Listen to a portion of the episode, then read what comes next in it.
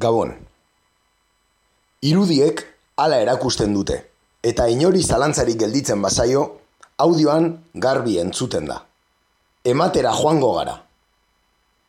Ez da halako aginduak entzuten ditugun lehen aldia.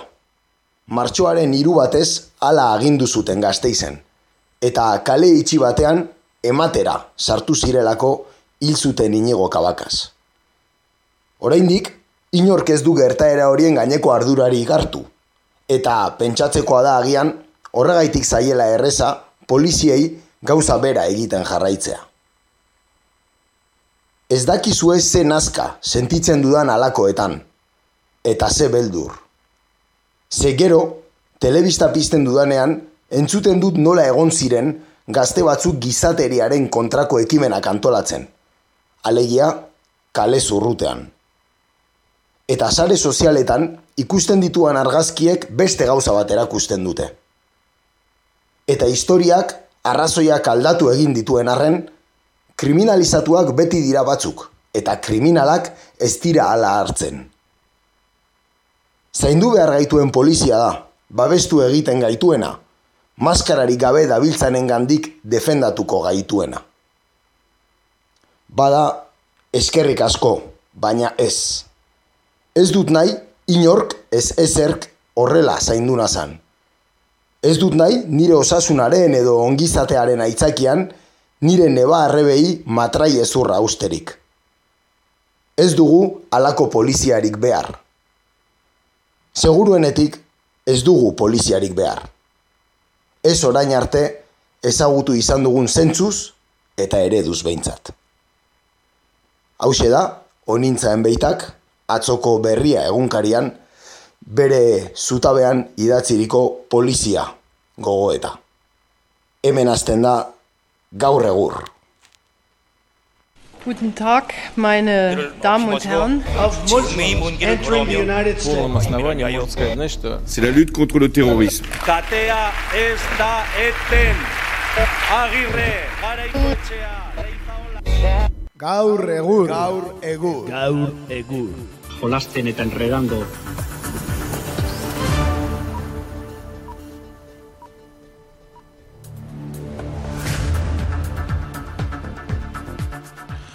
Arratxaldeon. Arratxaldeon bai, eta urte berrion. Bai, kaixo den hori. Hori da, urteko 2008 bateko lehen irratsaioa, ez? Hori da, hori da, espero dugu azkena ez izatea. Hori da, edo pandemia urteko bigarrena. Hori da. Ui, bigarren urtea, esan nahi dut, eh? Pandemia urteko... Ui, Pandemia bigarren pandemia urtea. urtea. Hori da, hori da. E, zuzen zuzenean, kakaintzona estudioetan gaituzue, zazpirak eta bost minutu dira, urtarrilaren hogeita bosta, 2008 bateko, urtarrilaren hogeita bosta, astelena, eta gaur ere, laugarren hanka, edo lau hankatokako bat, faltan, eh? Hori da, ez dakigu txertoa jartzen ari den orain gontan, edo... edo Hala, hala esaten dute, ez? dena, E, Bai. EAJ-ko gai, goi kargu on bezala, ba, lehen txertoa edo dosi hartu omen du, ez? Hori Eta bigarrenaren zain dago, eta, bueno, dakigula oraindik ez dute ez inputatu, ez saltxatan sartu, baino, Hori da, a- ezkutuan jarraitzen hori da. Eroriko da hori ere. Hori da, baina guk eh, ongi dakigu lehen dosi hartu duela, ja, eh? EAJ-ko goi kargu on bezala. Beraz, ba, bigarren dosia hartu arte, ba, ez da etorriko, dirudienez. Hori da. Eh, immunizatu arte, ba, ez du azaldu nahi. Eh. Bueno, ba, hori xe, eh, ongi etorri entzule beste behin, eta ba, guazen, bertan, gaurrekin, gaur, egur bastante partituko dugula iruditzen zaiteta. Guazen. Bertan gaur.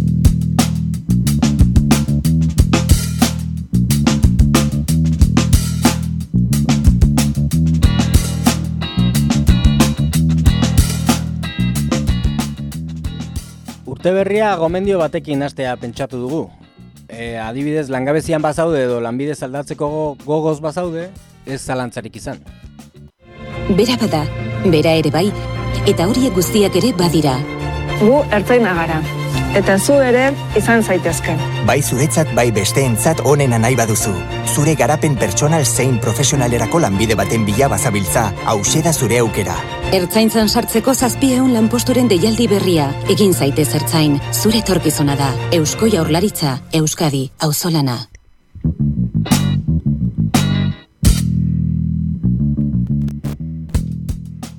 Bai, e, barkatu, ze esan du, eh, egin zaitez hartzan? Bai, hobe luke hartalde bat zendu eta gazte egitera dedikatzea, baina ez da horretaz ari tamalez. Egin zanteiz zaitez ertzain dio iragarkiak. Eusko jaurlaritzak zazpireun postu berrirako deialdea zabaldu berri baitu. Dena abantaiak dituen lanpostua noski, adibidez, aste honetan donostian ikusi ahal izan dugunez.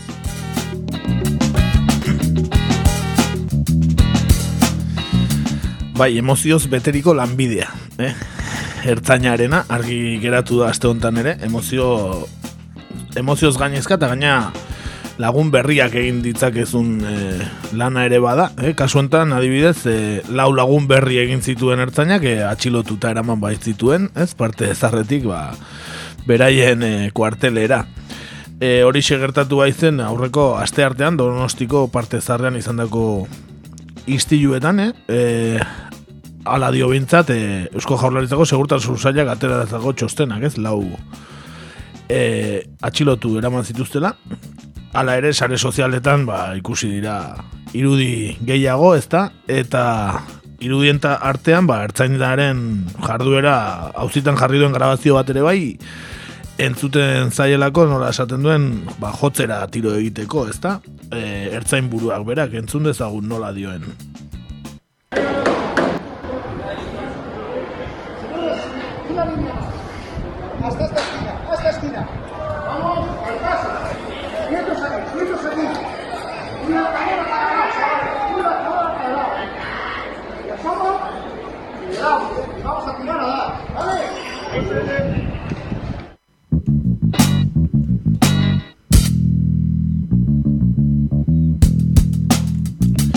Vamos a tirar a dar, eh? Zentzuten da argita garbi. Argita garbi.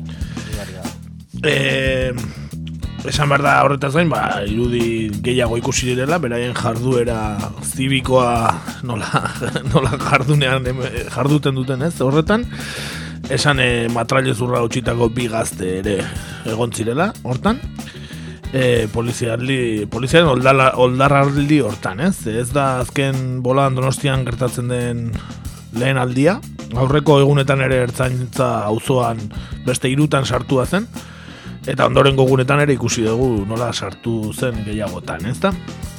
E, esan lau atxilotuak libre utzi zituztela aurrengo egunean, epailearen aurretik igar ondoren. Hemez hortzi eta hoeta maika urte artekoak e, dira atxilotu zituztenak, eta karguekin utzi dituzte libre. Denei egozten dizkiede desordena publikoak, baina bati horrez gain pel, poliziei eraso egitea ere leporatu diote, beraz orain dikan e, zigorrandiagoa jasango du seguruenik. E, Donostiako parte zarreko gazte asamblea gere hitz egin du, azken egunetan, bin baino gehiagotan, eta beraien esanetan irian duten egoera jasan ezina bihurtu da, eta hogeta mairu eragileren babesa izan, izan du, e, edo izan zuen hori salatzeko larun batean egin zuten e, mobilizazioak. Asamblean ustez, polizia osasun neurriak babestera baino gehiago auzotarrak jipoitzera joaten da azken egunetan. Egun berean, ordea, berriz ere parte zarrean sartu ziren ertzainak larun bat hortan bertan, mobilizazio ondoren, e, laugarren aldiz, aste honetan, eta ertzaintzaren amagost auto eta zortzi furgoi bertatatu ziren la salatu zuten e, asambleako kideak eta hamar lagun identifikatu zituzten. Eusko jaurlaritzaren segurtasun sailaren arabera, kale edanean ari ziren gazte taldeak sakaban atzera joan zen ertzaintza, eta adirazi dute agenteak, agenteak gaztei oldartu zitzaizkienean hainbat botila jaurki, jaurti zizkietela gazteek ertzainei. Parte zarreko gazte asambleak ordea ukatu egin du istilurik egon izana, izana baina salatu ertzainak ertzaintzak hainbat gazte lurrean e, atxikita izan zituela, ba, lurrean botata mogitu gabe.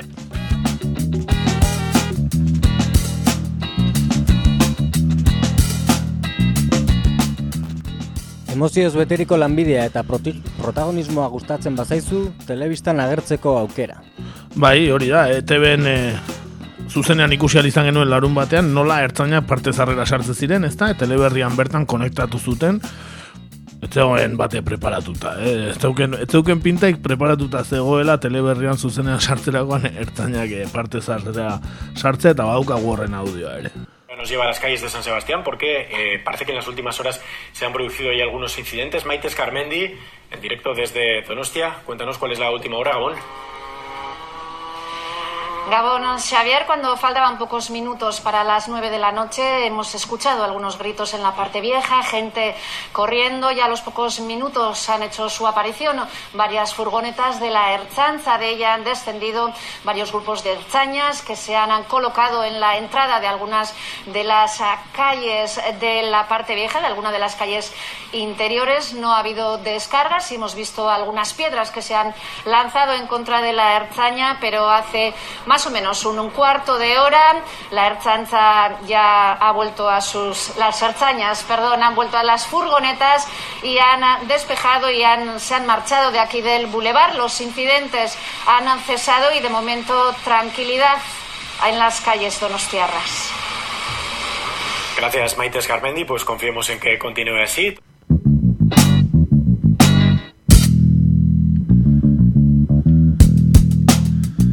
Bueno, eskarmendi handu, handiko kazetaria, ez da? E, zutena. E, esan, kazetariak dioela, lehenengo, jendea korrika atera zela parte zartik, eta ondoren atera iritsi zela ertzaintza. Ezak izerta zerregatik korrika egite zuen jendeak orduan. Bai, eta harri batzu bota zizkiotela ere aipatzen du, ez? Bide bai, batez. hori da, bide batez.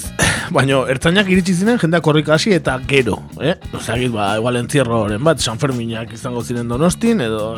Kausa eta efektuan azten ari den itxura doka, eh? Bai, hori da. Bueno, baina bai, ertzain sartzen bazera, izango dezu protagonismoa telebistan, eta behin protagonismo gehiago nahi baldin badezu, ertzain izan da seguro el konkisen hartuko zaituztela beso zabalik, así que protagonismoa nahi badezu ere, ertain izatea bide ona da zuretzat.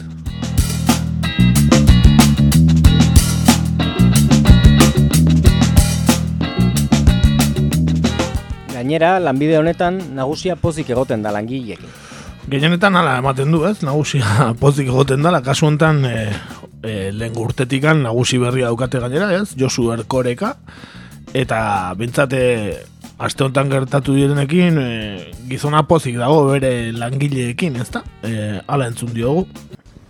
Bueno, quiero denunciar y condenar una vez más y con la máxima firmeza la actitud antisocial, insolidaria e irresponsable de personas, de grupos, de colectivos que están trabajando para impedir que la Erchancha y las policías locales cumplan su función, que en este caso consiste en garantizar el efectivo cumplimiento de las normas de salud pública que la autoridad sanitaria ha establecido para dificultar, para poner obstáculos a la difusión de la pandemia.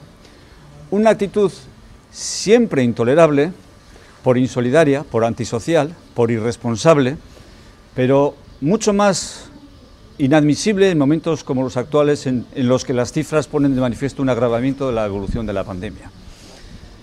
En segundo lugar, quisiera también expresar mi apoyo, mi respaldo, el de todo el Departamento de Seguridad y de todo el Gobierno, a las policías locales y a la Archancha en la labor que están desempeñando. Insisto, están cumpliendo su misión, garantizando el efectivo cumplimiento de normas de salud pública que velan por la seguridad, por la salud de todas y todos los que integramos esta sociedad y están acreditando un comportamiento ejemplar fin de semana tras fin de semana frente a este tipo de grupos, de personas, de colectivos que no solamente se resisten a cumplir estas normas, sino que para ello se enfrentan, si hace falta, a la policía y a las eh, fuerzas eh, destinadas a garantizarlo.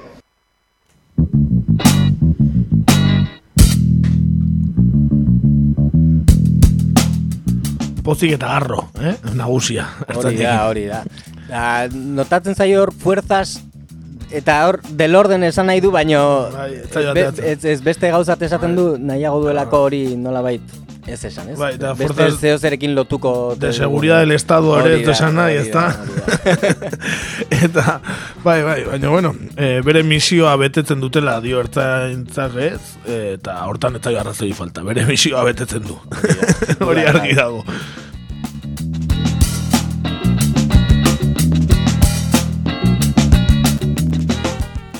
Punta-puntako materiala erabeliko duzu gainera. Bai, hori da. E, punta puntako material erabiliko duzu, zeren no, gainea e, jakin dugu ertzaintzaren zat, istilu eta aurka, ez, istiluen aurka erabiltzeko, berroko eta mairu furgon eta blindatu berri erosiko dituela Eusko Jaurlaritzak. Azte honetan jakin dugu ere bai. furgoneta bakoitzak laro mila euro balio du, eta guztira lau milioi eurotik gora ordainduko ditu. E, e, oraingoa furgoneta kopurua ia erabat berrituko du horrela gainera. Ertzainek leku batetik bestera mugitzeko dituzten beharrengatik eta bestelako ezaugarriengatik erosiko dituzte furgoneta berriak. E, Jonander Azkarate Muño aurnikuntza arloko buruak esan duenez, e, zein diren ezaugarri berri horiek, ba, sabai altuagoa izango dutela furgonetak eta handiagoak direla, dirudienez. Ez baitira kabitzen furgonetetan ertzainak, eh? Ez doaz bat ere komodo.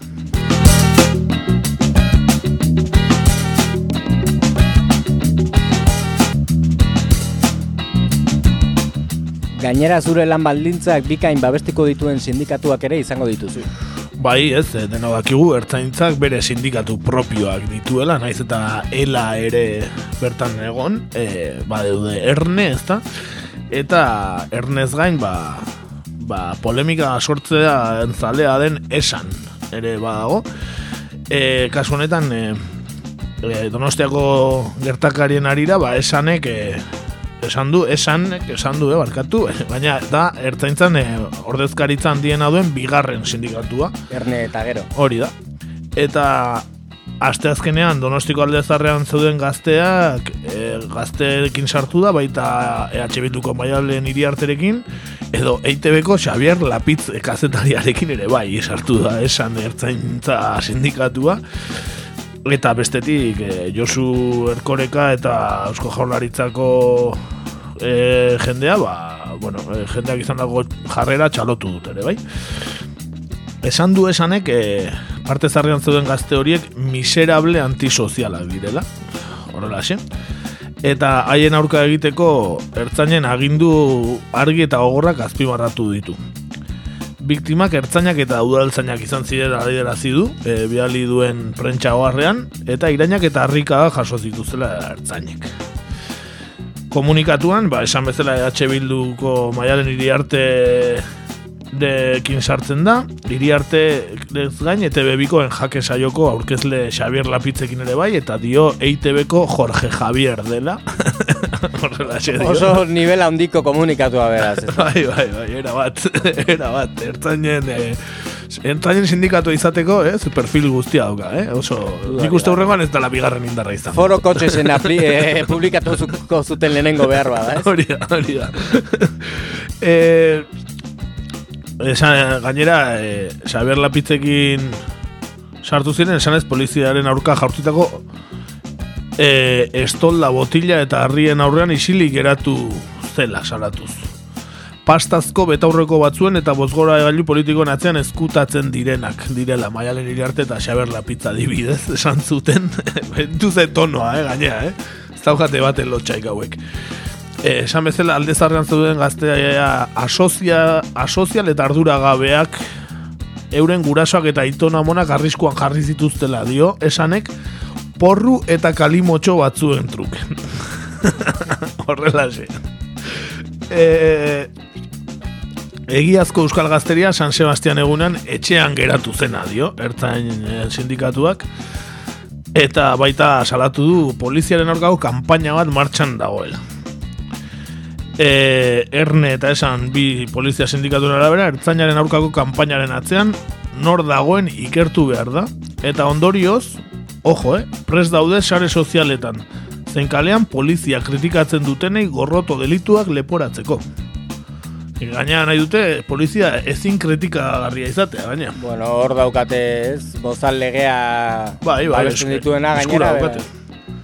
Baina, bueno, hace tonoa, eh? Erabiltzen duten bai, gaina, eh? Bai, ez dakit. Eh, oso seriotasun gutxirekin, ez? Beste argumentu maila bat erabiliaz, behar badan norbait konbentzu dezakezu, baina, osea, Jorge, ETV-ko Jorge Javier deitzea Xavier Lapitz, da, hain zuzen ere, zu programa klase horietako diskursoa erostea, ez? Nola bait, oso, oso bajo. Ba, ba, eta gaina, Xaber Lapitz, ez dakit, uste, de ajotatineko gertu dagoen kaztari badela. Bai, bai, hori aparte.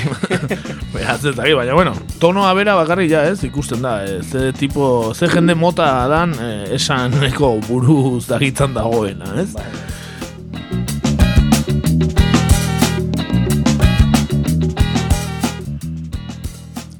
Gainera, noizbait justiziarekin arazoren bat izan ezkero, libre ateratzeko probabilitate handiak dituzu. Bai, ertzaina sartu ezkero, probabilitate handia dauzkazu justiziaz, justiziaren kontrako zerbait dagoenean eh, libratzeko. Zeren aste hontan bertan ere jakin dugu Espainiako auzitegi gorenak eh, ba, ez duela onartu inigo kabakasen sendiak eta Juan Jose de Pablo Ertzainak Bizkaiako probintziaren sententziaren aurka aurkeztutako errekurtsoa eta epaia berretsi duela. Beraz, eh, Juan Jose de Pablo ofiziala eh, ofiziala jarraituko du izaten zigortutako ertzain bakarra inigo eriotzaren gatik. Gogoratu, ba, bi urtezko espetxe zigorra eta lau urteko gaitasun gabetzea ezarri ziola epaitegiak e, de Pablo ertzainari. E, esku hartu zuen operatiboaren arduradun nagusia zelako. E, inork ez daki oraindik e, zein izan zen e, pilota jaurti zuen ertzaina, baina e, dirudienez ba, ez dut e, inor gehiago epaituko, ez da zigortuko inigo kagasen eriotzaren gatik, eta gogoratu baia e, ia urrengo apirian bederatzi urte izango direla inigo kagakasena gertatu zela. Beraz, e, ikusten da, babai, justiziaren aurrean ere, bueno, ba, dauzkazula privilegioa, beraz, e, dena daukan lanpostua da. Ba, hori da, eta soldata ona gainera. Bai, bai, así que langabezian bazaude, edo lan ez aldatu nahi badezu, ba, gizu, egin zaitez, hartzain.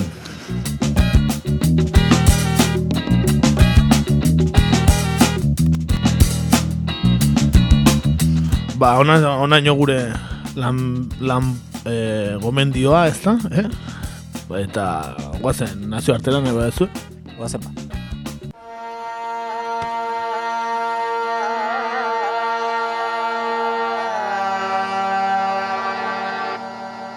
Nazio artean gaur.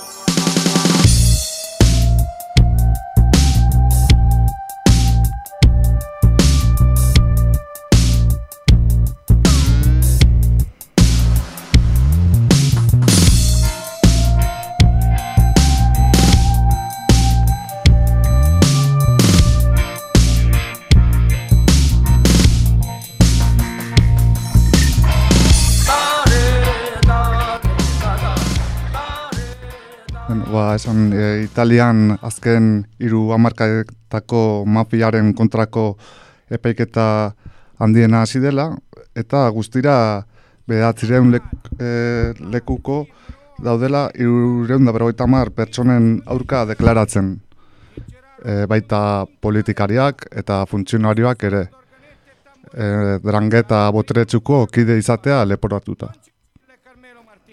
attaccato questo sono malandrino.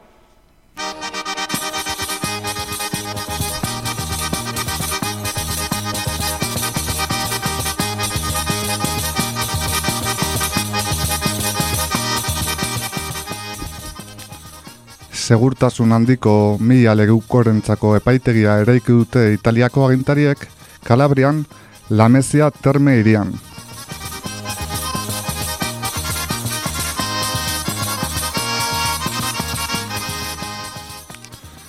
Garrantzi simboliko handia izanaren, e, pai irekiera e, oso prozedurala izan zen, e, Tiziana Makri epaiak akusatuen izenak banan-banan irakurriz, inorketzuen parte hartu zuzenean epaiketan, baina berrogeita mar bat akusatuk internet bidez jarraitu zuten.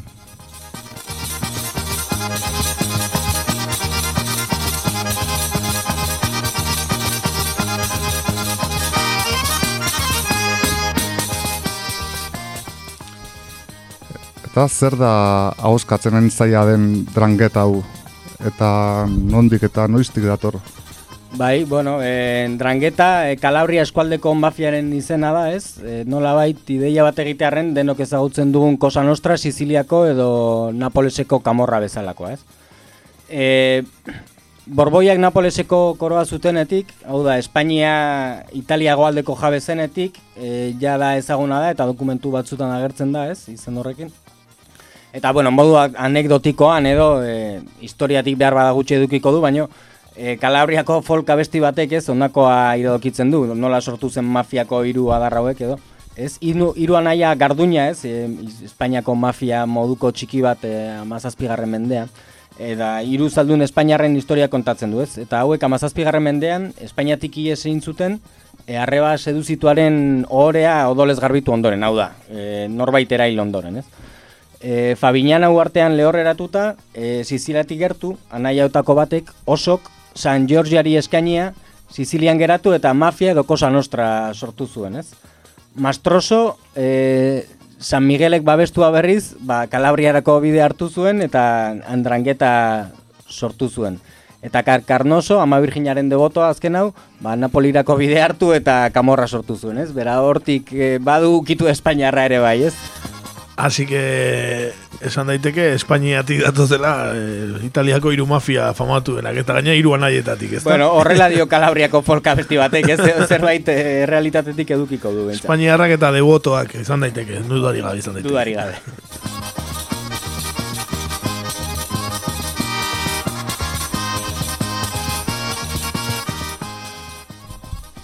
Kalabriako mafia beraz. Eta hau ere Italiako hegoaldean noski. Hori da, ez? Sizilia eta Napolesekin batera. E, Kalabria, ba, jakiza zuen, ka, da Italiako botaren punta, nola baitez, hor rostikoa ematen duen punta horixe da Kalabria, eta, bueno, Sizilia eta Napoles artean dago. Eta bertan kokatzen da Drangetaren herri neuralgikoa, ez? E, San Luka herria hain zuzen. Honek pixka bat hobeto ulertzen digu nolakoa den egitura hau.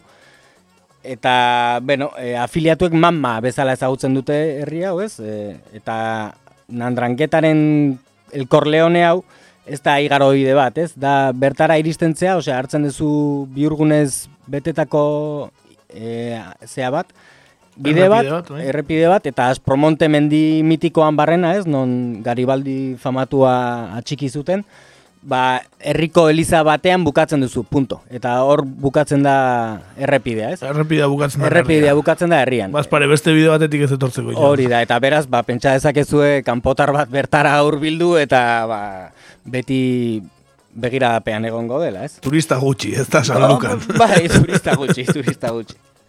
Hori da.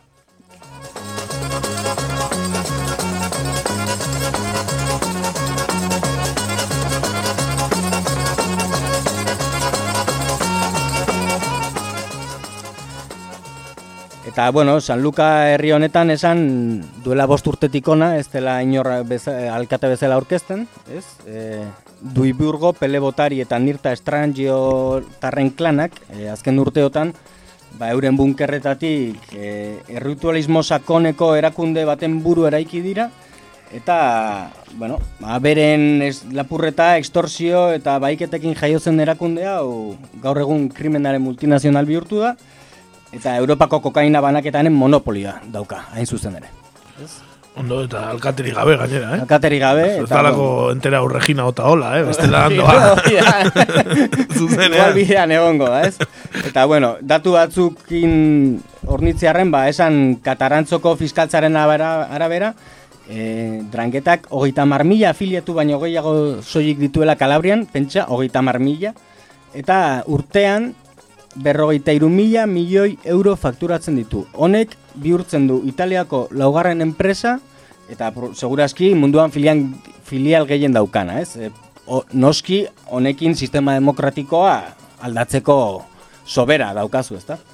Bai, bai, Europako kokainaren mono- monopolio baldin bauka, ba, berrogeita iru mila milioi euro urtean. Berrogeita iru mila milioi euro urtean kata, katantzaroko fiskaltzaren arabera. Joder. E, Hortxe da godatua, eh? Eta industria hori ez du pandemiak desegin, eh?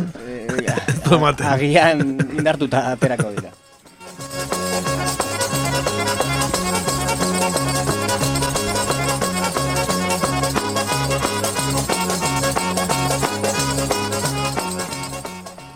Eta nork eduki du oraingo honetan horrelako epaiketa bultzatzeko balore eta grina, jakinda nola bukatu ohi duten bide hau hartzen duten beste epai batzuek, ez?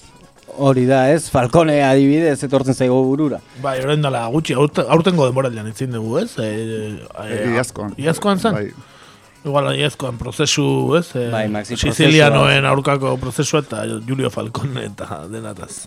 Hori da. Ba, bueno, oraingo honetan e, epaiketa bultzatu duen fiskalak Nikola Grateri du izena, ez? E, geratzen jaioa duela irurogeita bi urte. eta Katantzaroko mafiaren aurkako fiskala da, fiskal nagusia, ez? Eta, bueno, esan duela markada batzuetatik ona bunker korazatu batean bizi dela, e, urteak daramatzala zindena mara joan gabe, zer esanik ez itxasertza zapaldu gabe, ezta? Eta, bueno, e, graterik, ba, mafia honen aurkako historiako ipaiketarik handiena martxan jarri berri du ez, e, Falconeko Sanostraren aurka instruitu zuen maxi prozesuarekin akusatu puku, kopuruan soilik konpara daitekeena, noski. Eta, bueno, e, 2008an lareun pertsona atxilotzeko agindua eman zuen, ez? E, Europa guztian zehar, e, eta horre hori ziren politikariak, enpresariak eta barreta barrez. E, Italian, Alemanian, Bulgarian eta Suitzan e, eraman zuen aurrera operazioa, eta Rinnaschita Scott. E, operazioa izena mantzion, Rinnaschita edo Renacimiento, jaio berritzea, eta Scott, e, Steven William Scott bere deako agente baten izena da, ez? E, bere fiskalaren lagun mina, eta informazio asko eman eiziona, eta gero hiltzena autoistripu batean, baina tira, haren izena jarri nahi izan zion operazioari, asko zortziolakoan edo.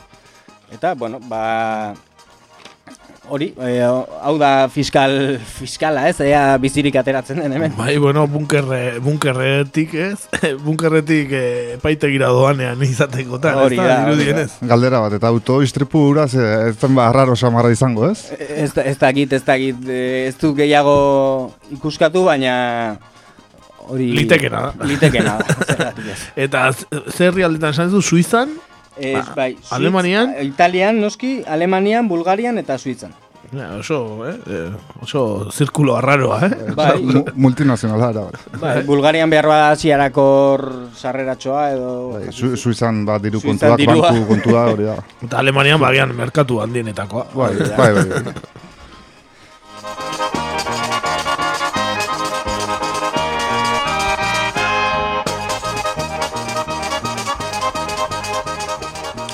Eta duela egun batzuk ere beste operazio mardur bat bultzatu zuen okerrez bagaude, ala? Bai, ba, alaxe da, ez, horreko ostegunean hain zuzen, berrogeita mar pertsona inputatu zituzten, besteak beste eta berriro, enpresariak, mafiosoak eta politikariak.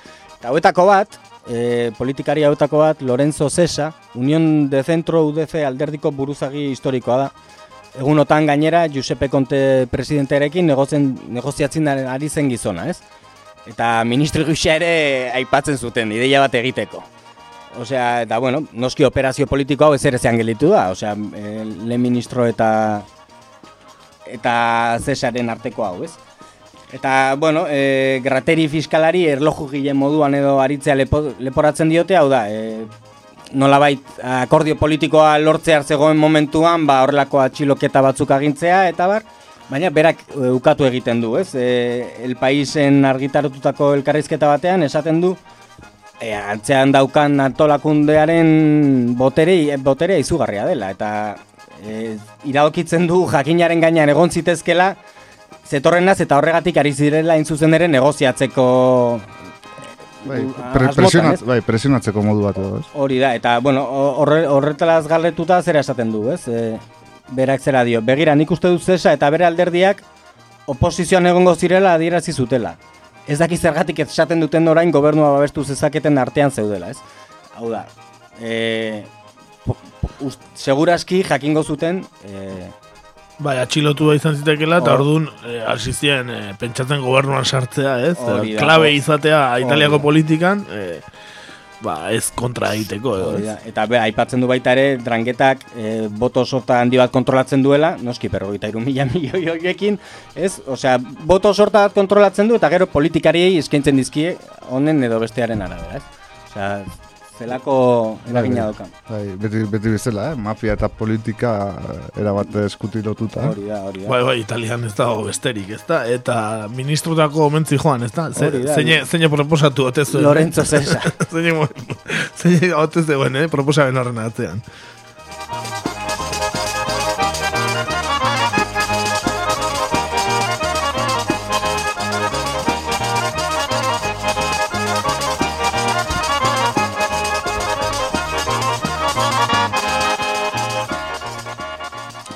Eta nolatan bihurtu da beste mafiak baina boteretsuagoa Eta nola hasi da azken urtetan hainbeste?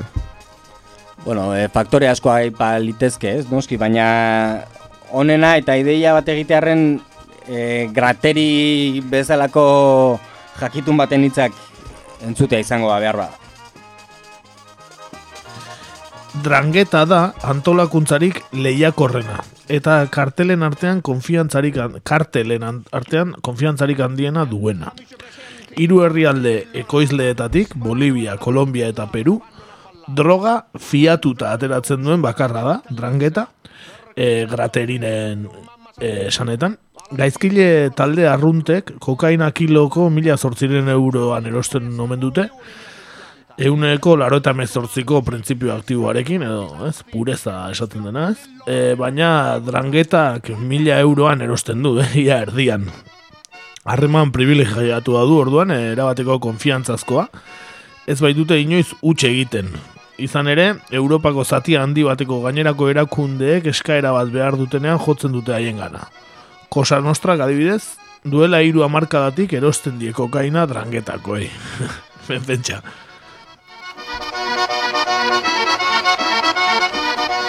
Ode, prezio ordian erosten badu gainera, eh? Eta inoiz ez badu utxe egiten, garo, ba, kolombiarrak eta kontentu.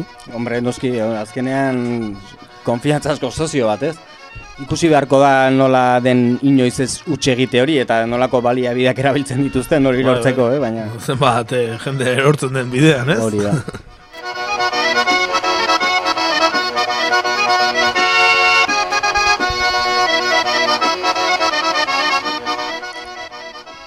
Harreman sendoa dago beraz, Kolombiako kartel lauen eta Kalabriako mafiaren artean, ala? Bai, ba, pentsa, harremana hain da ona ez, edo sendoa, e, lehen aldiz, karteletatik kanpo erakunde batek, e, 2008an graterik bertak e, zuzendutako dekolo operazioak dokumentatu zuen bezala, hau da, kanpoko erakunde batek koka horearen ekoizpenean baskide gisa parte hartu zuela. Hau da, ez bakarrik beste talde kriminal batzuek egiten duten moduan, normalean jatorrizko herrialetatik garraio prozesuan besterik ez baitute parte hartzen, ba ez, hauek e, sozio moduan parte hartu zuten produkzioan baita ere, ez? Eta, bueno, fiskal honek adirazten moduan, noizti gertatzen da, ez? Duela hamar urtetik gertatzen da. Bereziki kartel handiak erori ondoren. Orain, talde txiki asko daude partzuergora behartuta drangetak bat batean bost tona eskatzen dituenean. Mafia honek Kolombiako autodefentsa batuak UAC eta FARC egon desmolizatua paramilitarrekin zituen harremanak erabat frogatuta daude gaur egun. Bereziki AUC-ko zati batekin. Baketze prozesuaren ondoren kokaina produkzioa berriz ere hartu baitzuten bizimodu gisa AUC-koak ezta? Eta drangetak sozio, bueno, produkzioan ere sozio zen, ezta? Hori da. Bueno, ba... ba Zukalderan esartu direla, da? Esan bai, azkenean, ba, pentsa berrogeita irun mila milioi euro urtean. Zukalderaino, baina barrunaino, eh? gambaran bai. bai, bueno, genetan, eh, ba, genetan, agian dirudi eh, mafiarik ez ezagunena iruetan, ez da? No, ez da entzun egun, ez? Kalabriako mafia eta, baina, bueno, beti Sicilia, ez? Bueno, zema pelikula, zema historia, napolitanoek bai eta agian hau da boteretsuena iruetan, ez? Bai, gaur, gaur egun boteretsuena dudari gabe, ez? Gaina fiskal honek berak aipatzen du gaur egun ezinezkoa dela, horrelako erakunde batekin amaitzea. Bai. Daukan, bai. osea, kolpe handiak eman izkio, baina bai. sekulako, osea, goita marmila pertsona dauzka hor bai, juramentu bat egina, gaina, osea... Bai, bai, hain ondo egituratuta dagoen erakunde bat, ez? Bai, eta eh, oso ritualistikoa dena, ez? E, zuk e, sartze prozesuan egin beharreko errituala pasa eta gero, lehenago akatu beharko zenuke zure familia osoa, e, inor zure kideren bat ez el, e, saldu baino, ez? Bai, e, adibidez, Kosa Nostraren e, programa egin genuen garaian ikusi genuen, ez? Damutu batzuk nola ateratzen, baina guzti da, historia guztian, ba, uste dut, eh, esku batekin konta daitezkela damutu guztiak, eh? bai, ba, pentsa, eh, drangeta da damutu gutxien daukan, iruetatik damutu gutxien daukan erakundea da, osea, ba, hori, ba, izango da, ba, bakarren bat da, bai. izango dela damutuetakoa, ez? Eta, bai, bai. ba, salatu duena, edo... Bai, bai. Eta hogeita mar mila baldin badira, ba, pentsa dezakegu danetik egongo dela tartean, ez da? Esan ere, politikariak, medikuak, eh, ahigeltxeroak, eh, tabernariak, eh, danetik egongo. Bai, bai, seguro. Beraz, eh, ba, bueno, botere paralelo bat, ez? Estatu paralelo bat sortua, ez? Beraien... Eh, Dudari. Bai, eta be, bitxia da, eh, nola esan duzun jatorria, bueno, abesti horretatik eh, atera duzun jatorriaren kontuari. Bai, modu anekdotikoan, ez? Hori, bueno, egiaz gutxi izango du behar bada, baina Kalabriako folk abesti bat zen, ez, ba, egokia iruditu zen. Bai, baina, bueno, Italiaren kasuan, ba, Italiaren e, ba, estatuaren ba, egitura forma horrek e, bidea eman dio, ez, mafiei, ez, adibidez, zatik, e, Sizilako mafiaren garaian, e, eta ia Italia ba, ba- bateratu zenean, ba, erroma edo boterea oso urruti geratzen zen, ez, eta hor beti sortzen da e, botere e, bikoitz bat delako, ez, bezalako bat, ez? Eta bestalde e, egitura ere Italia iparraldearen eta hegoaldearen artean ba, egitura administratiboa ere oso oso desberdina dela, eh? Bai izan ba nekazal lurretatik hasita eta beste hainbat eh, funtzioetara bai e, zergen bilketa kontuan eta abar, eh? Zabor, zaborraren kudeaketa, ez? Mitikoa da, ez? Mafian, ez? Baina esan dut, eh, admi- administratzeko era era oso oso desberdina da, eh? Osea, Italia, bi Italia hoiek eh, daudela, eh, era bat erreala da, eh? Bai, bai, Bai, bai, hori. Bueno, ba, eta behin ere, mafia, gaurkoan drangeta, ez da?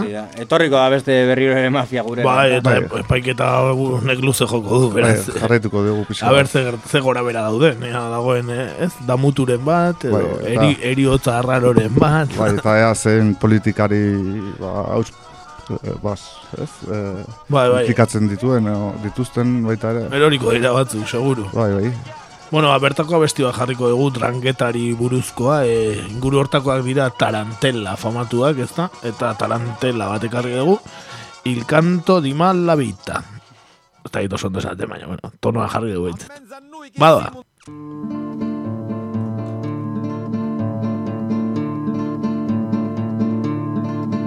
Nella notti d'un tempo che fu, tre cavalieri da Spagna se partirono, dall'Abruzzi a Sicilia passarono e poi ca in Calabria se fermarono.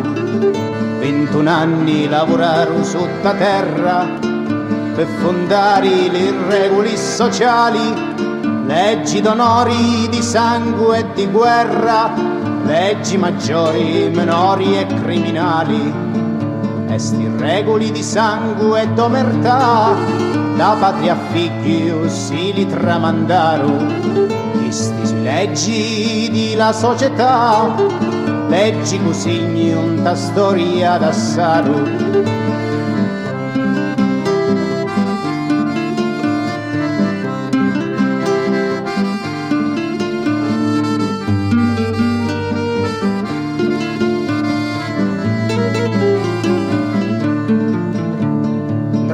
Drangheta, camurra e mafia è società organizzata. Drangheta, camurra e mafia, Sicilia, Napoli, Calabria onorata.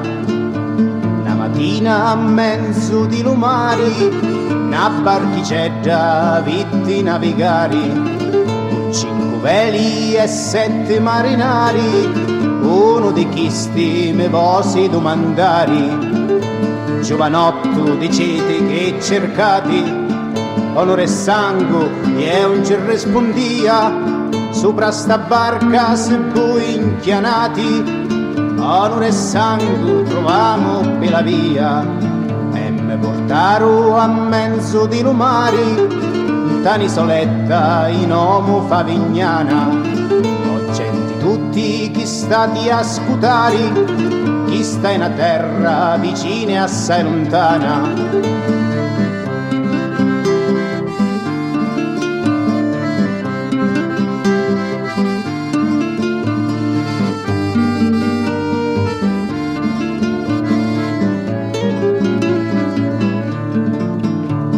Drangheta, camurra e mafia, leggi d'onore, leggi d'omertà, Ndrangheta, camurra e mafia, e cosgarra nuda pietà.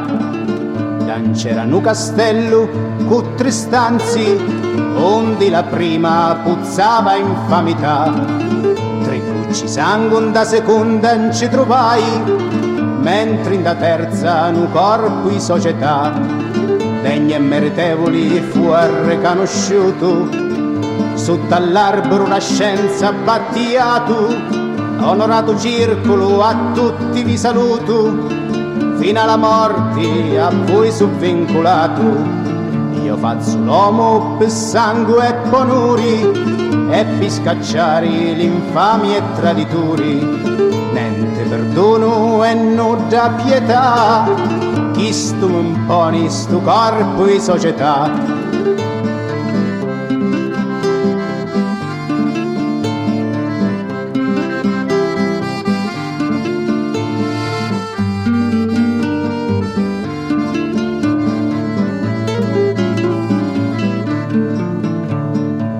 Drangheta, camurra e mafia è società organizzata. Drangheta, camurra e mafia, leggi d'onori, leggi d'omertà.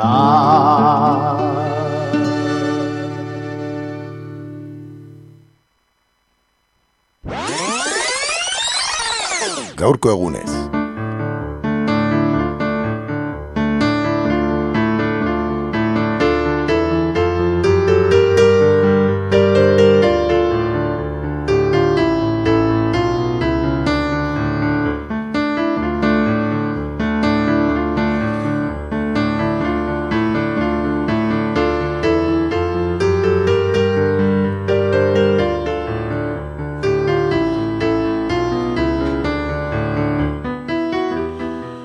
Gaurkoan ez gera urrutira joango, Euskal Herrian geratuko gara, eh? gaurko egun ezatalontan, estetika histrionikoa duten mutil batzuk ezagutzera, eh? odola belztuta eta larrua zala euren existentziaren lehegun, lehen egunetik ondu dituen giro batek erreta eh, dituztena, ez, edo zituztena, eskorbuto, urruneko kausa baten ondorioa da, loren, aurpegien eta astroen zimeldura simboloen emaitza.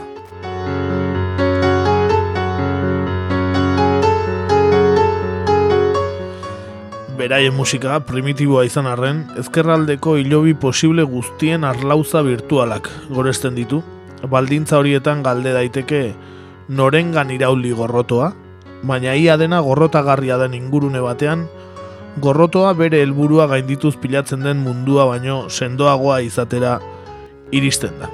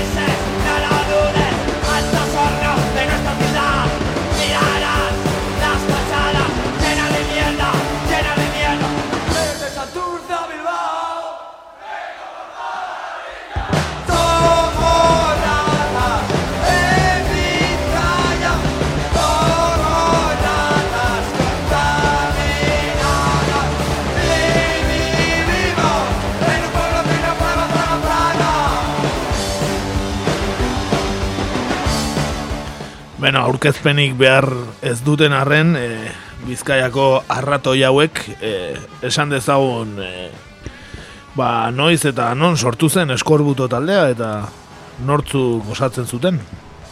Bai, ba, taldea mila behatzi den dalaroian sortu zen, santurtzin, ezkerraldean, eta ba, e, talde originala Josu Esposito, eh, gitarra eta hautsa zenak, ematen zionak, Juanma Suarezek, bai baitare ahotsa eta basua jotzen zuenak, eta Pako Galan bateriak osatzen zuten, ez?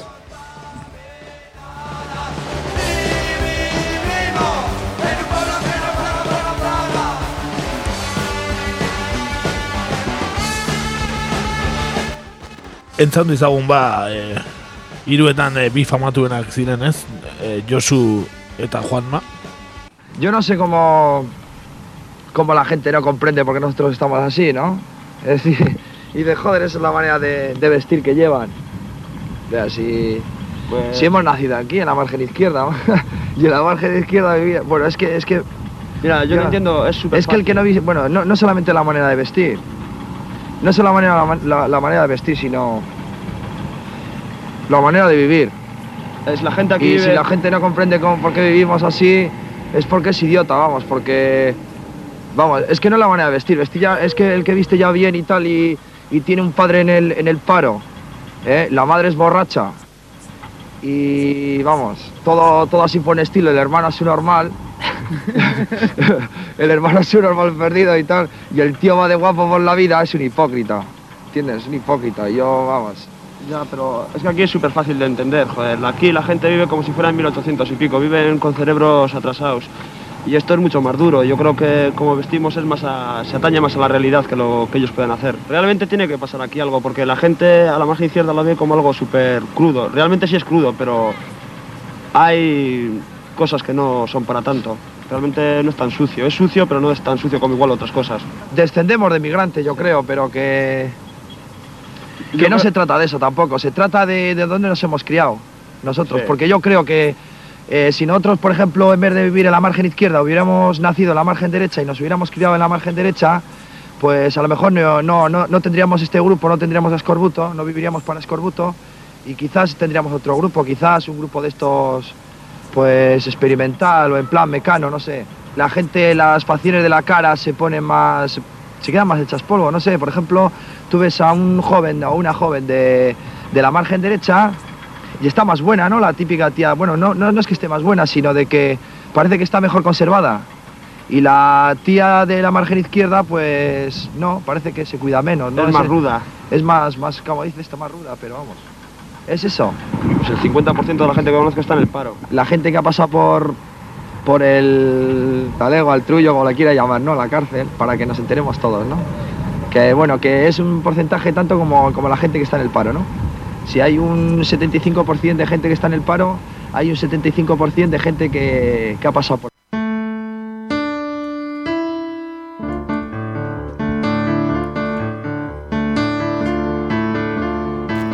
Bueno, horberaien adierazpenetako batzuk ez, hasiera partean ez, e, bueno, danetik hitz egiten dute, eh? Zia isilik egotekok. Egin diezaiogun e, bere diskografiari errepasotxo bat. Hori da, bai, ba, pixka bat aipatu, e, larogeita bat eta larogeita bian e, eskorbutok hainbat aurkezpen egin zituela, e, bai bat e, areto txikitan, e, ba, e, inauterietan eta auzo batzuetako jaietan eta bar, eta e, ja, la- larogeita bian e, hasi zen ba, ja, gaur egun bueno, e, gaur egun eraino iritsi ziren eta bestiak eta konposatzen ez. Eta bai patu e, larogeita iru eta larogeita lauan e, atera zuten, bueno, la, lehenengo larogeita iruan lehen maketa, Zona Espezial Norte, RIP taldearekin batea. Eta e, larogeita iruan bertan, beren lehen e, errepertorioa atera zuten, beraien lehen albuna, e, mucha policía, poca diversión izenarekin, e, LP bat, e, single bat, esaten den moduan. E, ondoren, ba, larogeita lauan, e, Expansus Recordsekin kontratu bat egin zuten, eta larogeita bost eta larogeita sei urte artean eskizofrenia lehenbizi eta antitodo diskak atera zituzten.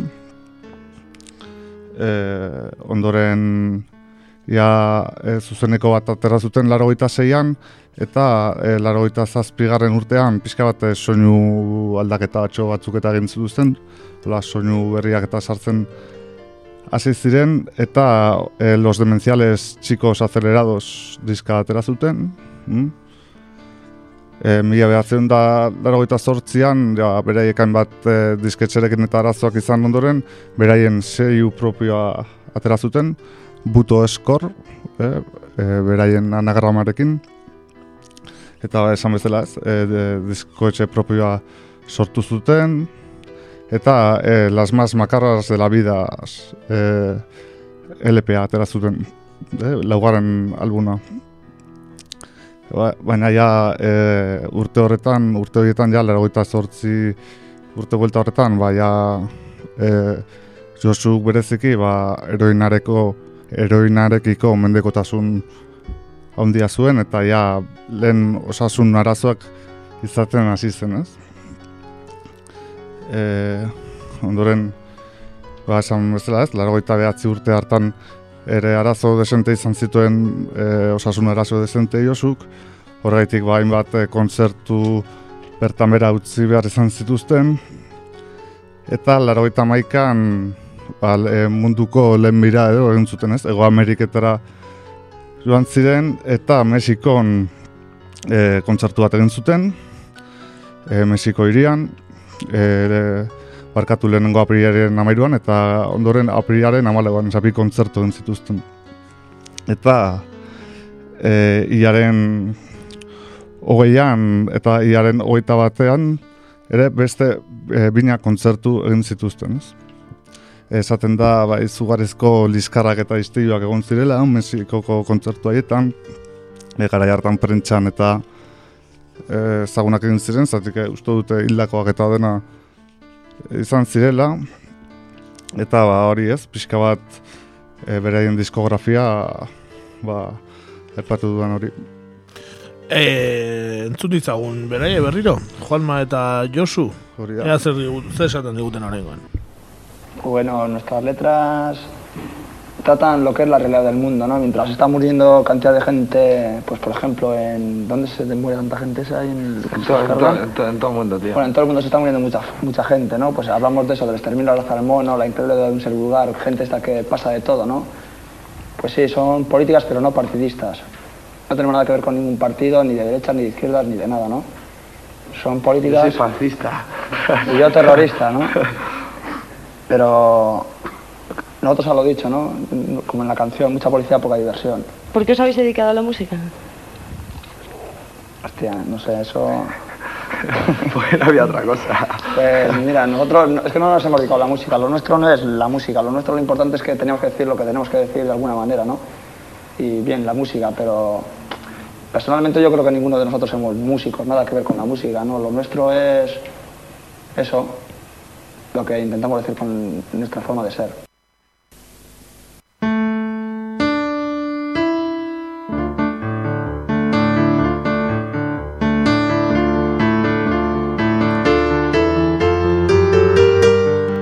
Bueno, ez ziren e, inungo alderdi politikorekin ezkontzekoak argi dago hori. E, repasatu dugu labur labur beraien e, ibilbidea, baina baude momentu e, ezagun eta polemiko batzuk, ez? Adibidez, laro eta iruan e, Madrilen e, lege antiterrorista pean, ba, hogeita amasei orduz atxiloturik eman zutenekoa, ba, abesti bat gatik eta letra, beraien letra egatik zehazki, ezta?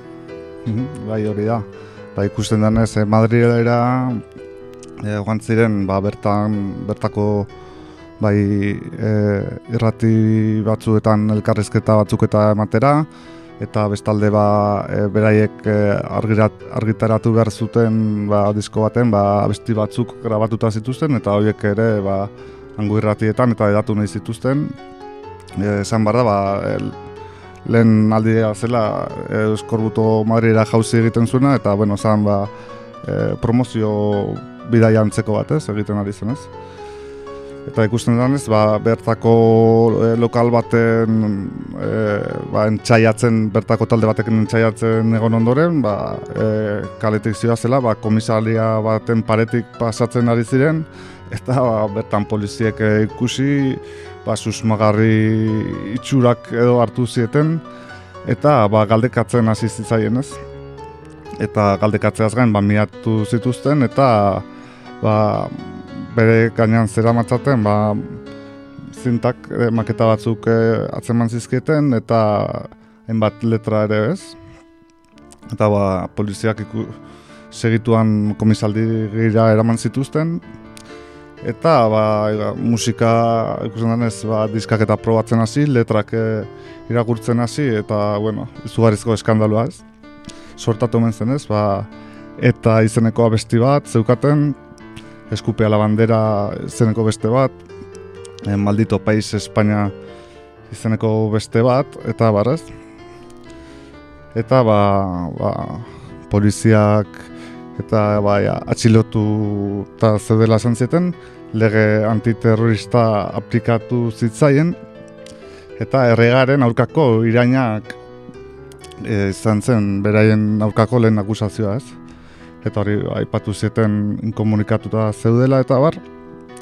Eta e, okerrez banago beraiek e, zaukaten ningo abokaturik eta eta e, ezakit nola Kristina Almeida gero PC-ko izan zena. Bai. Eta gaur egun tortuliana. Ba, Izquierda Unida egon zen, ez? Ez dakit pesoera ere zuen jauzi egin Bai, bai, ziur bai. Ba, e, uste dute Kristina Almeidak eh, defendatu zituela. Bai, eta e, hogeita masei ordu ondoren, ba, atera ziren bai, komisariatik. Entzun ditzagun eh, abesti polemiko horiek pixka bat? Adibidez, eskorbutoren eta abestia? Bai, hori da.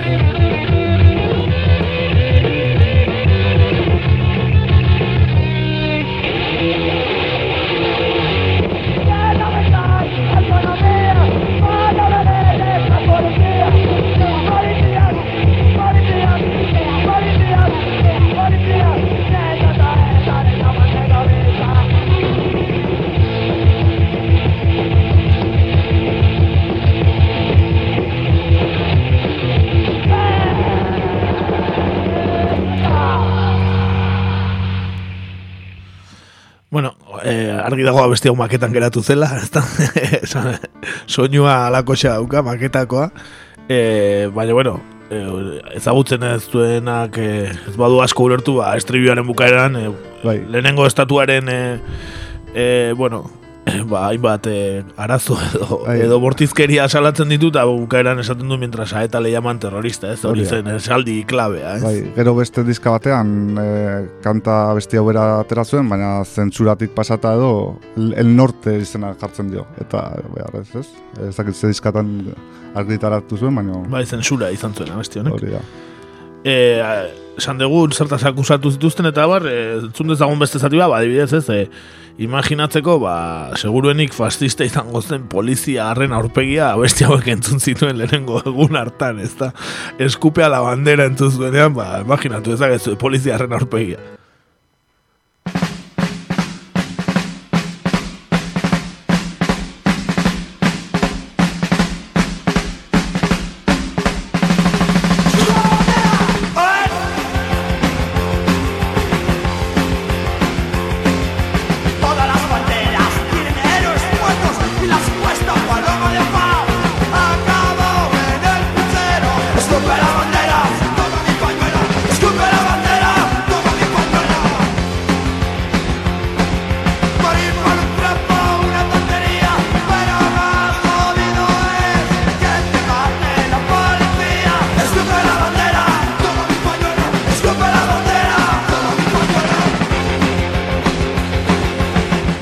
Imagina ezazu ez da, ze aurpegi ederra jarriko zen poliziak. Bai, zatik e, Josuk berak komentatzen zuen elkarrizketa batean nola e, polizia buru batek esan zien baina nola e, baita estatu buruarekin ere sartzen zarete. Ez, e, bai, bai. Kroasana ezen digerituta, ez? Hori da. Eguneko gozariaren ondoren hori entzun. Nola liteke erregearekin ere sartzen. es peor que te mate la policía, esaten du gaina, eskupe la bandera beste honetan, ez da? Ba, hori, poliziaren aurpegia Honetan eh, ikustekoa izango zan, ez da, edo beste, esan dugun beste bestietako bat eh, oso famatua ere, ez, ba, honekin ere harrituko ziren polizia seguruenik oraindik frankista haiek, ez da, eh, maldito país.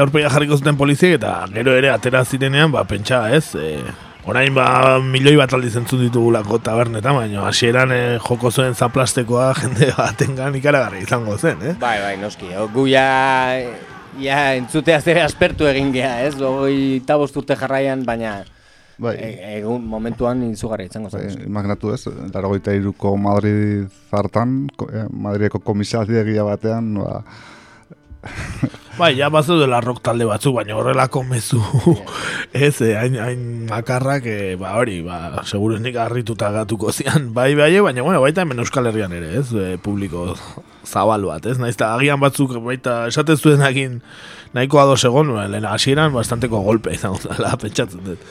bai, eta abestiek, oza, atxiloketek bai hartzun handia izan zuten, eh? bere garaian prentxan, eh? Bai, Ba, eta- Imaginatu dezakegu.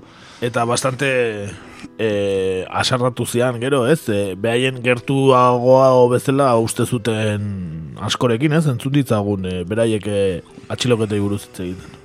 Fueron detenidos en Madrid en 1984. Se les aplicó la ley antiterrorista. sus canciones y, y fue cuando en realidad esa detención nos abrió los cerebros de lo que pasaba en este pueblo, ¿no? que nos creíamos en sus gestoras por amnistía, sus cosas y parecían interesantes, ¿no? Y al final nos pudrimos allí y nos dimos cuenta de que, que de Paraguay. Usaron nuestras frases muchas veces por la diversión en pancartas grandes, eslogan de la fiesta de Bilbao, y no veas lo que hicieron con nosotros, ¿no? Y encima nosotros somos los malos. No, inicialmente nada, ese fue el problema.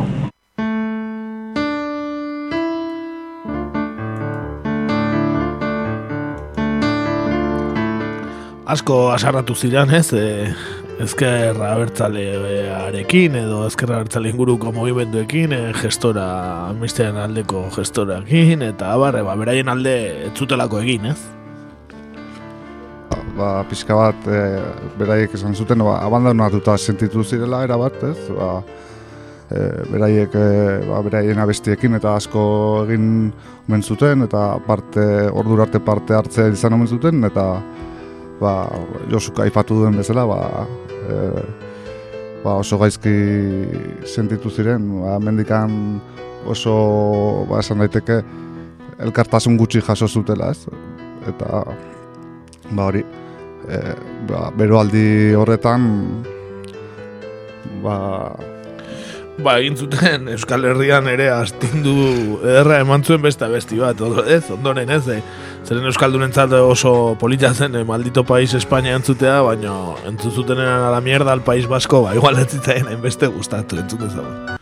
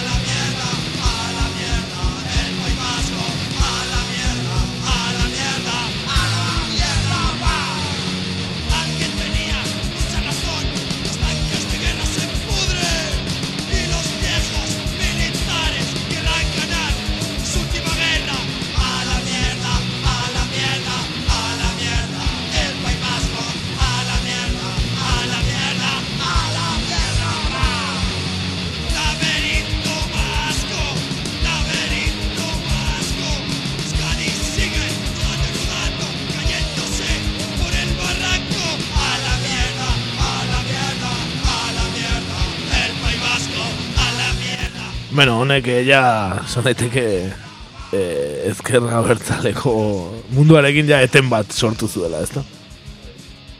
Bai, bai, bai, hori da. E, Naiz eta e, berak, e, beraiek e, abestia defendatu zuten, ez? Eta aipatu, ba, bizikeria moduan, e, diska hau batera zen, osea, barkatu abestia batera zen, e, ripekin batera atera zuen diska batean, ez? Eta, bueno, e, ripekin hainbat kontzertu egin zituen, adibidez, oso harreman ona izaten jarraitzen zuten, baina ja, hasi ziren, ba, ez dakit, e, hainbat e, udalizetatik eta beraiei ba, boikot mezuak eta bidaltzen eta trabak hartzen, ez? Hala ere, rock radikal baskoren barruan sartzen duten eskorbuto ere, ez? E, zigilu famatu hori ez, inorrek nahi ez zuen zigilu hori, ez? Bai, hor elkarrizketa baten arira eta sortu zen polemika, ez? Izan zen justo e, Madridetik etorri berritan, gaina e, uste dut okerez banago eginen izan zen elkarrizketa eta eta uste dut erreportai oso interesgarri bat eta egin ziotela, ez, eskorbuto hori. E, ba, e, rock radikala eskorbuto da, horrelako titular bat atera zuen kazetariak, ez, nahi gabe. Hola, eta ba, hortikan e, ondoren atera zen rock radikal basko delako, ez, eta bueno, hor izugarrizko polemika sortu zen. Eta bai. beraiek ere uko egin zioten etiketa horri, ez? Hemen entzun ditzakegun modura. Nos hemos definido rock and roll, nos hemos definido eh, radicales y nos hemos definido vascos y nos han definido antivascos, nos han definido antiespañoles, los españoles y todo eh, individualmente, pero nunca, nunca nos hemos considerado que pertenezcamos al rock radical vasco, nunca.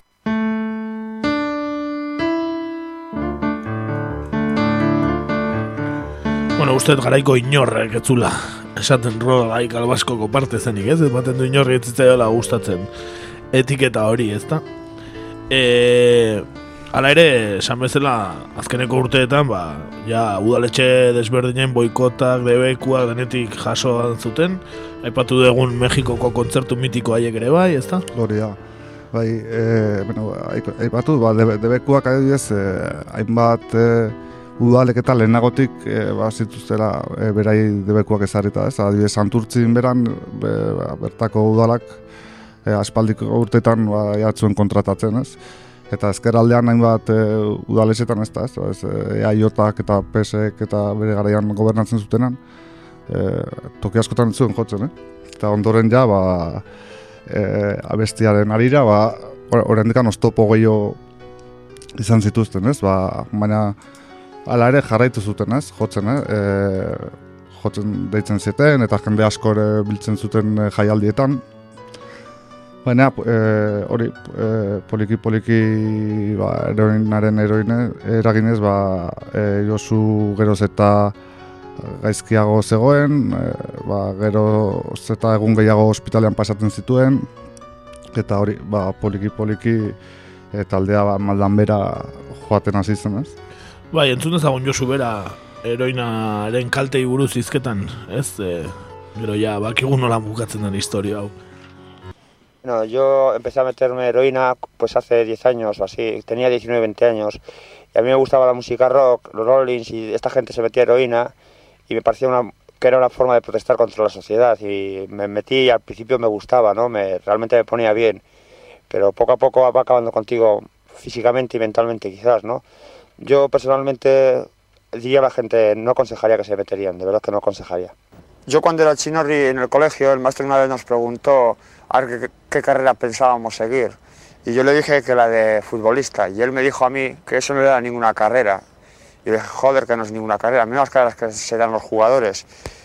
Y tenía muchas ilusiones, pocas esperanzas, pero muchas ilusiones. En la música, que también para mí era importante.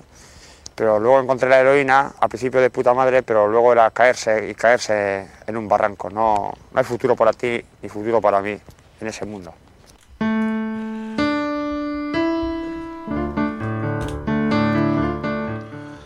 Eta ba, lur jauzi batetik erortzea zen eta er, erori zen, ez? Azkenean e, Josu eta baita Juanma ere, ez? E, bi izar nagusiak, irukoteko bi izar nagusia, ba, biak ziren e, urte berean.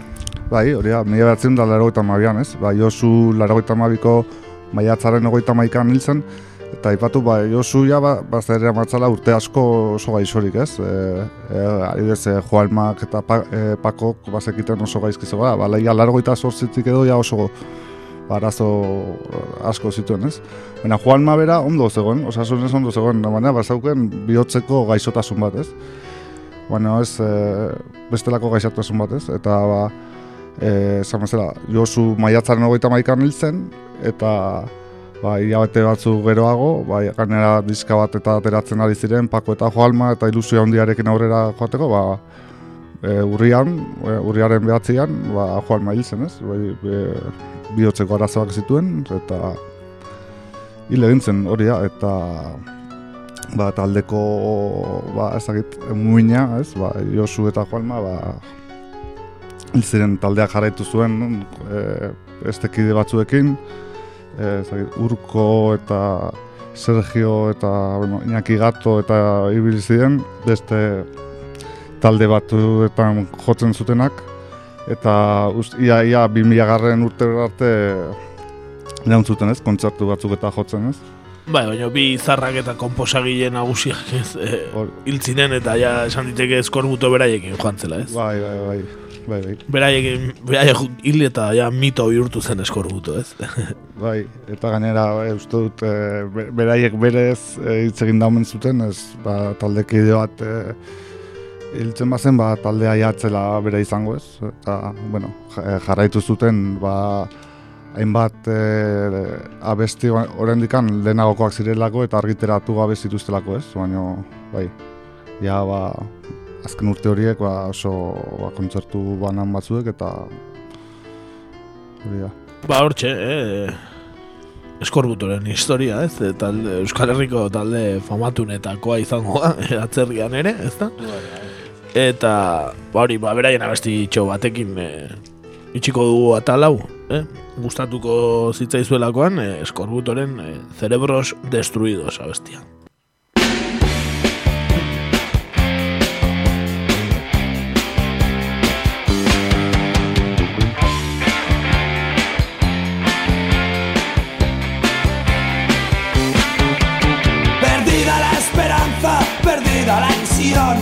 Problemas continúan sin hallarse solución. Nuestras vidas se consumen, el cerebro se destruye, nuestros cuerpos caen rendidos como una maldición. El pasado ha pasado y por él nada hay que hacer.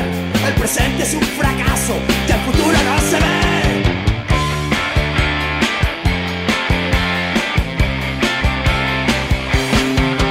La mentira es la que manda, la que causa sensación. La verdad es aburrida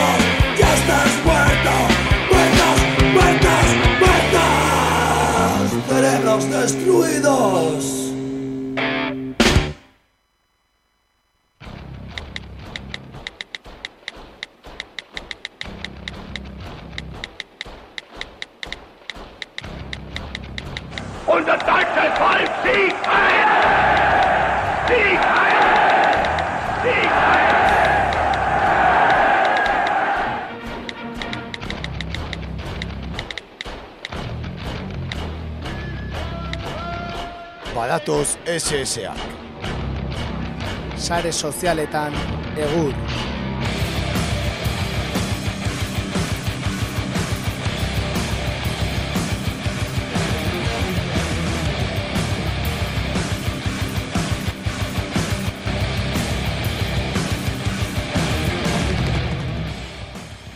Gaurkoan bagenituen gai desberdinak jorratzeko, besteak beste Arantxa Tapia Covidarekin dagoela eta animoak eman nahi genizkion. Gainera, jakinda etzela ez da balkoietara ateratzen eskutsatzeko beldurrez. Bai, beldurra zuke, baina, bitu, harrapatu du. Jak, eh, ardura gabeki jokatu ote du? Zeinek daki, zeinek daki. Ez dakigu nola kutsatuko zen, baina badakiguna da teleberri eta gaur egunen asko botako dutela faltan. Bai, ez, eh, aste batzuk eh, teleberrin ikusi gabe, ez dakit, igual artxibotik botako dute bere aurpegia emateko, bestela... Gaur, gaur nik eh, onartu barra dukate guardian ikusi dudala eta bere etxean agertu da zuzenean. bai. Online bidez. ezin falta, ezin falta. Liburu bat eh, oso ikusgarri zeukan eta bilatu eta dena egin dute, eh, nortzen autorea eta horri bilin nahi Ah, saltxeatzen. bai, ondo, ondo. Eh, baita etxetikan ere azaltzen da Bai, teleberri. noski, ez ez zizo tardar. Ze ondo zen. Eta hori gaina, jakinda, e, gure laugarren kidea, ja bakunatu dutela, ea jotako goik hartuko bezala, nik ez da inola arantxa tapia ez duten bakunatu, eh? Ez dut ulertzen, egia esan. Ja, nik ere. Eta gizien dabilen horratzean, baina ez ditu kalkulak oso ondo egin.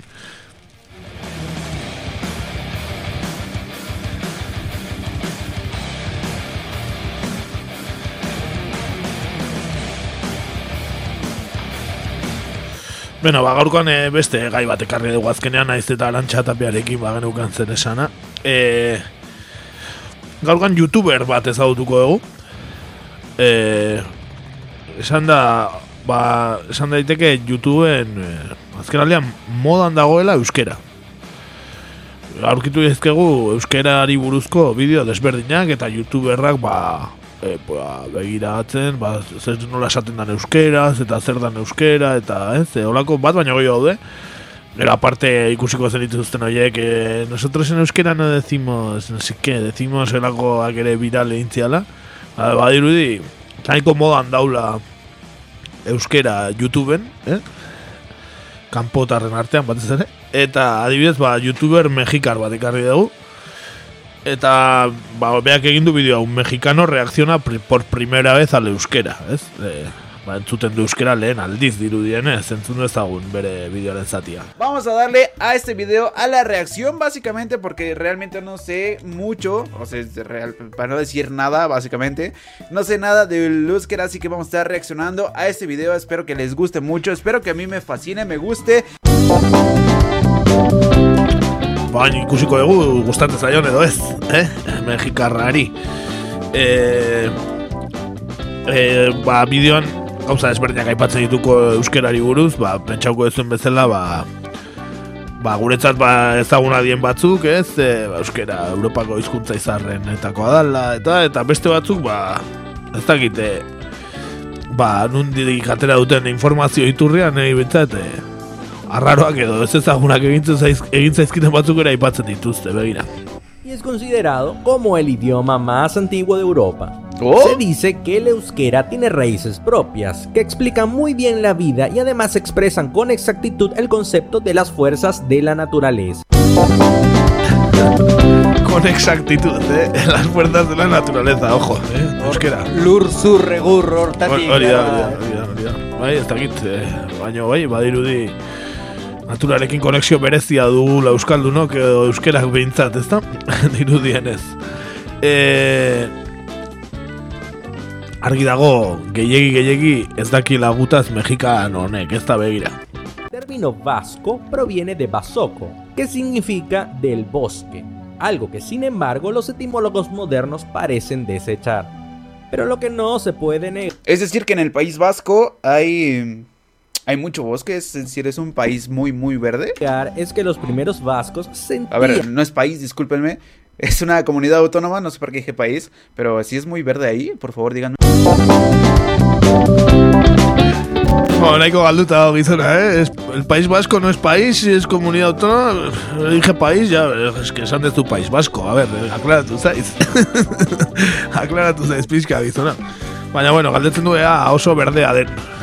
Dakit, eh, segun, eh, noa doan, Euskal Herrian zati handi bat, bai oso berdea, beste bat, ez hainbeste, ez da. Baina bai, ikusten da, ez dakiela gauza gehiagirik guri buruz. Ez daki ez da euskera nola, nola entonatu ere ez daki begira. Euskera, no euskera. Euskera. Haen, ikusi ez ez? E- Euskera, no euskera. No, no, euske, no euskera. Beira. berri- berriro. como entre la forma de denominar a las partes del árbol Epa liatzen nahi naiz. Berriro jarri nahi nizuen. Euskera, no euskera. Euskera. término vasco No, euskera. de basoco, Euskera. Fiscal liatzen da, ez algo. Eh, Bueno, beste gauza gehiagora aipatzen ditu. Teoria bat eh, nik ere zautzen ez nuena, igual zue bai. Dirudienez euskeraz eh,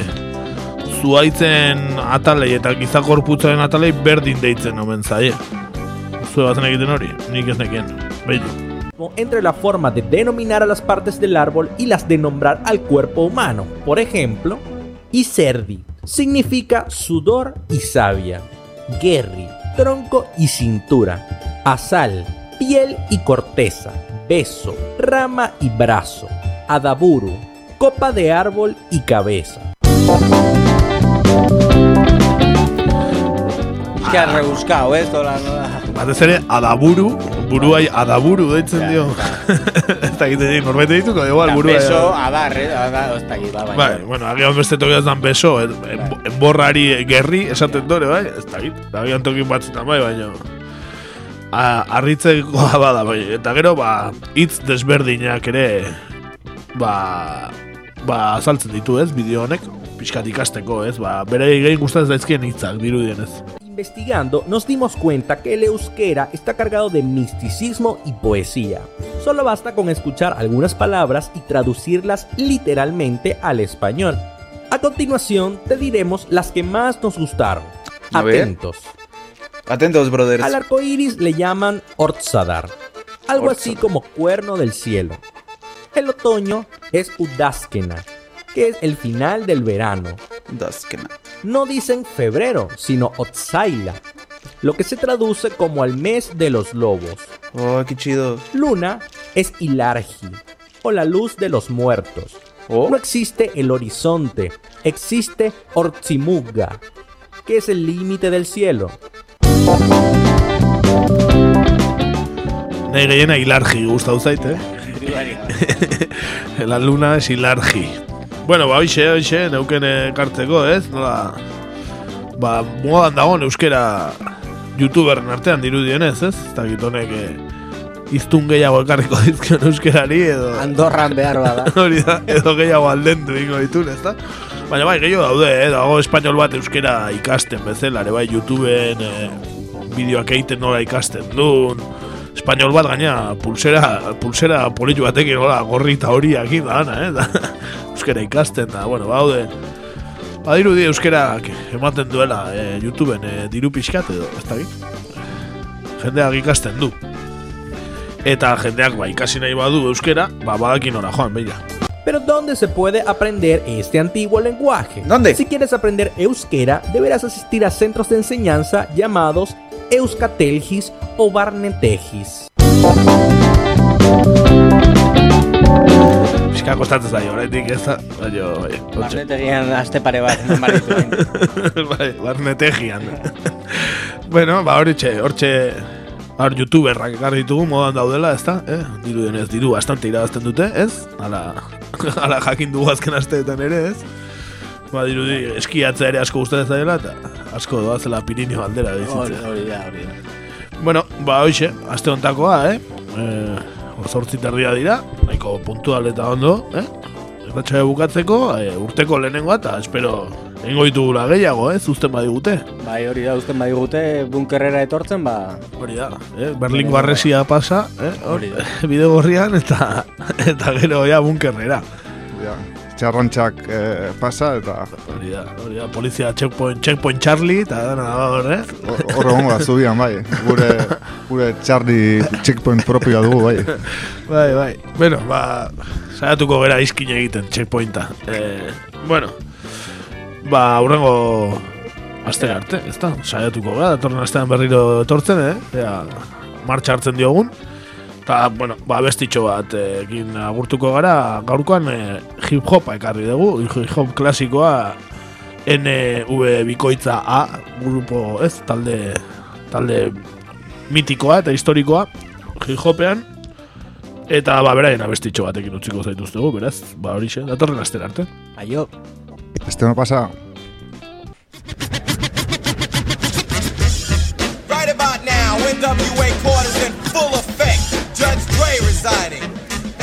Of NWA versus the police department, prosecuting attorneys are MC Ren, Ice Cube, and Easy motherfucking E. Order, order, order. Ice Cube, take the motherfucking stand. Do you swear to tell the truth, the whole truth, and nothing but the truth, so help your black ass? You goddamn right. But won't you tell everybody what the fuck you gotta say? Fuck the police coming straight from the underground. A young nigga got it bad cause I'm brown. And not the other color, so police to kill a minority. Fuck that shit cause I ain't the one for a punk motherfucker with a badge and a gun to be beaten on. And thrown in jail, we can go toe to toe in the middle of a cell. Fucking with me cause I'm a teenager. With a little bit of gold and a pager. Searching my car, looking for the product. Thinking every nigga is selling narcotics. You rather see me in the pen than me and Lorenzo rolling in a benzo. Be the police out of shape, and when I finish, bring the yellow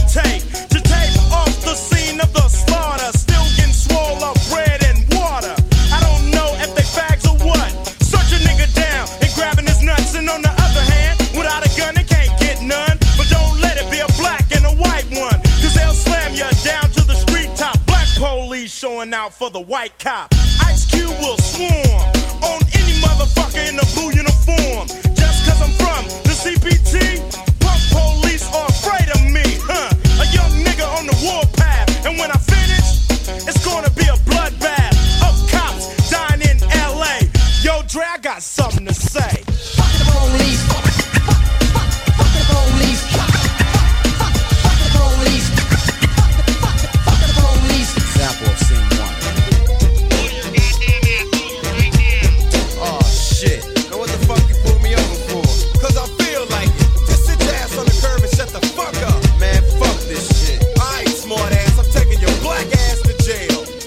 MC Ren, will you please give your testimony to the jury about this fucked up incident? Fuck the police and Ren said it with authority.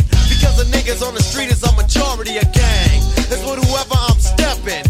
And a motherfucking weapon is kept in a stash spot for the so-called law. Wishing Ren was a nigga that they never saw. Lights start flashing behind me. But they're scared of a nigga so they mace me to blind me. But that shit don't work, I just laugh. Because it gives them a hint not to step in my path.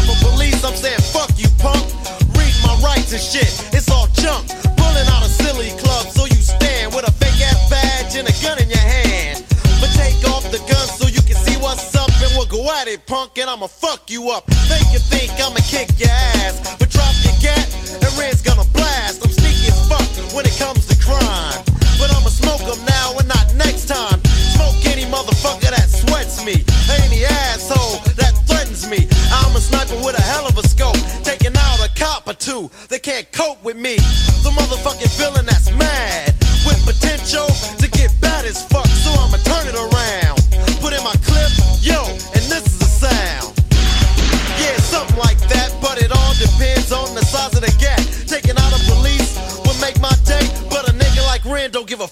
say.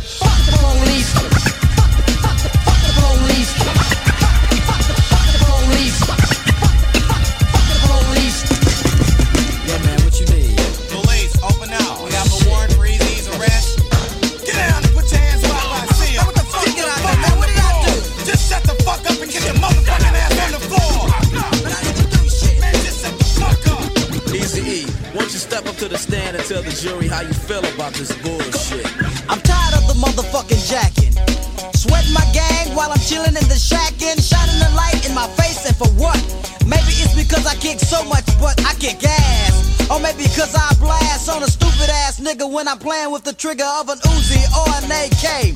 Cause the police always